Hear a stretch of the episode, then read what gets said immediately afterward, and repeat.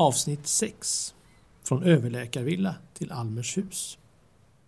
Några år efter hemkomsten till sin forna hemstad Varberg skaffade sig Johan Severin Almer år 1900 en bostad i det fashionabla och relativt nyuppförda Sparbankshuset vid Varbergs torg. En bostad som även innehöll hans läkarmottagning och som han delade med sjuksköterskan tillika barnmorskan Helena Alberg samt två pigor vilka arbetade i hushållet. År 1903 blir Almer utnämnd till stadsläkare och passar då på att flytta till det Brunstedtska huset som även kallades för Stadsläkarvillan och låg på hörnet av Västra Vallgatan och Torggatan. Dr Emil Reinhold Brunstedt som lät uppföra villan på 1860-talet hade varit Varbergs stadsläkare i hela 30 år mellan åren 1861 till 1891. Almer lever först i villan såsom hyresgäst men köper fastigheten år 1916. Villan fungerade både som arbetsplats och hemmiljö då Almer fram till sin död 1927 levde och verkade såsom stadsläkare i just denna villa. Under den period på året som Almer var verksam nere vid Appelvikens kustsanatorium färdades han varje dag ifrån hemmet i centrala Varberg och ner till Appelviken.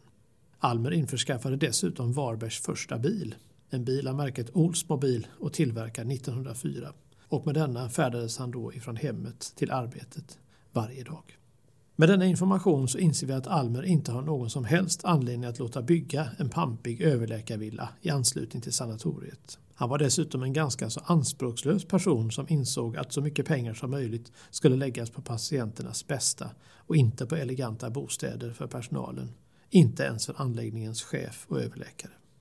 Dock avlider Almer hastigt den 13 maj 1927 på sin egen 66-årsdag och svärsonen, även han läkare, Adolf Rappe, tar över ledningen för kustsanatoriet Appelviken under en period. Rappe kom att utses som sin svärfars efterträdare på posten som stadsläkare i Varberg och såsom ny överläkare vid Appelvikens kustsanatorium utsågs i november samma år Dr. Robert Hansson, bördig från Dalarna. Denne behövde då en bostad värdig en överläkare, kosta vad det kosta ville eftersom arkitekten Rudolf Lange i Göteborg, som hade varit den stora arkitekten vid i stort sett hela områdets utformning, avlidit i december 1927 var man tvungen att hitta en duglig efterträdare. Denna hittade man i den namnkunnige sjukhusarkitekten Gustav Birk Lindgren.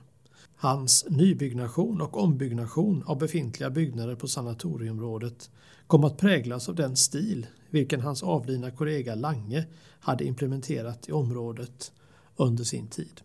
År 1929 kom så en beställning på en överläkarbostad i form av en större villa åt Robert Hansson och hans familj. På ritningarna från detta år står det Maison de Hanson, vilket är franska för Hanssonska huset. Fint skulle det vara för en flärdfull överläkare för snart hundra år sedan. Villan uppfördes i klassisk svensk herrgårdsstil och stod färdig för inflyttning 1930. Utformningen av villan följde klassiskt mönster med alla sociala utrymmen såsom salong, matsal, förmak och bibliotek och herrum på första våning och de mer familjära utrymmena såsom sovrum, barnkammare, jungfrukammare och vardagsrum på andra våning. Robert Hansson bodde i den ståtliga tjänstebostaden fram till sin död i september 1940. Efterträdaren på platsen som överläkare blev då doktor Albert Alberg som med sin hustru Frida flyttade till överläkarvillan året därpå. Denne Alberg och hans hustru Frida är alltså de personer som också fått låna ut sina namn till de båda vattentornen alldeles strax bredvid överläkarvillan. Efter att Albert Alberg gått i pension 1966 anställdes så den 30 december detta år hans efterträdare som också skulle komma bli den sista överläkaren vid Appelviken som kom att bo och leva i överläkarbostaden.